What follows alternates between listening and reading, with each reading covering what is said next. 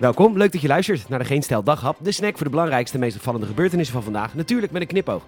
Met vandaag toch maar even over de ziekenhuizen. Kernenergie is de bom en we zijn even te gast in de Stad van Hoop. Mijn naam is Peter Bouwman en dit is het nieuws van dinsdag 26 oktober.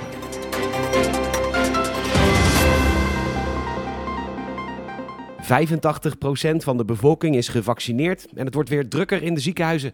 Dus de virologen en doktoren schoven weer aan bij de talkshowtafels. Volgens hen is het allemaal heel erg.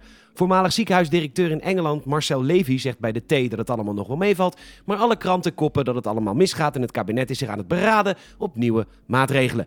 Volgens gevaccineerden van het Eén Vandaag opiniepanel is het duidelijk. De maatregelen die komen moeten alleen gelden voor niet-gevaccineerden. Niet-gevaccineerden zeggen vervolgens scheid te hebben aan de regels die opgelegd worden door de gevaccineerden. En gevaccineerd ziekenhuispersoneel ergert zich aan het feit dat 80% van de IC-bedden wordt bezet door niet-gevaccineerden.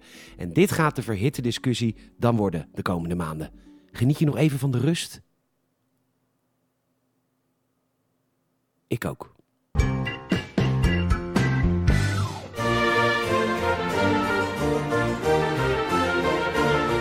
We zijn te gast in Amsterdam, de stad van hoop en om precies te zijn in Amsterdam-Zuid.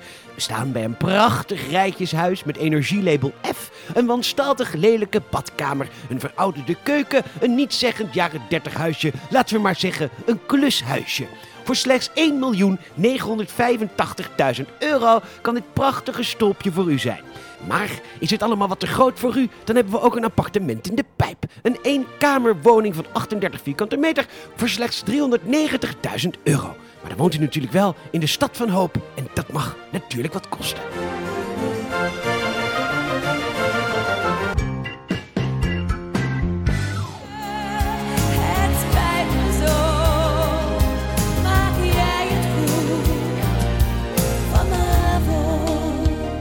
We staan hier eh, in de straat van president Erdogan en we hebben een bloemetje bij ons namens de ambassadeur en de minister van Buitenlandse Zaken Knapen. Ze hebben gezegd dat ze het niet zo leuk vinden dat de Turkse filantroop Osman Kavala gevangen zit. Nou, Tayyip was, laten we maar zeggen, not amused en dreigde direct de ambassadeur met de eerste de beste correndon het land uit te flikkeren. En dus zijn wij nu naar zijn huis gestuurd om een bloemetje aan te bieden. Gaat u mee? We gaan even kijken of hij thuis is.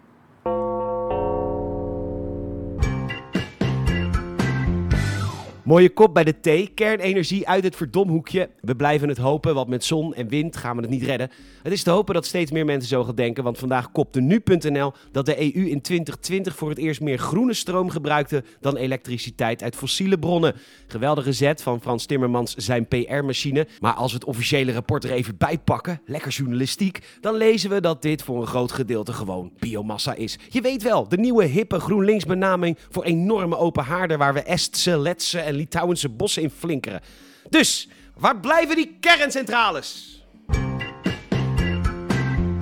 Prinses Alexia heeft een heerlijke studententijd in Wales. Ze gaat lekker los op feestjes, danst erop los en wij gunnen haar die toptijd natuurlijk van harte. Het was immers Queer Focus Week op school. Maar volgens HLN maakt het Spaanse Koningshuis zich zorgen over de slechte invloed die Alexia zou hebben op hun 15-jarige prinses Leonor, die op dezelfde school zit. Want ja, ze is natuurlijk prinses van het Koninkrijk der Narco-Nederlanden. Dat kan natuurlijk niet goed gaan. En zeker nu Rutte heeft gezegd dat ze daadwerkelijk ook echt helemaal zichzelf mag zijn.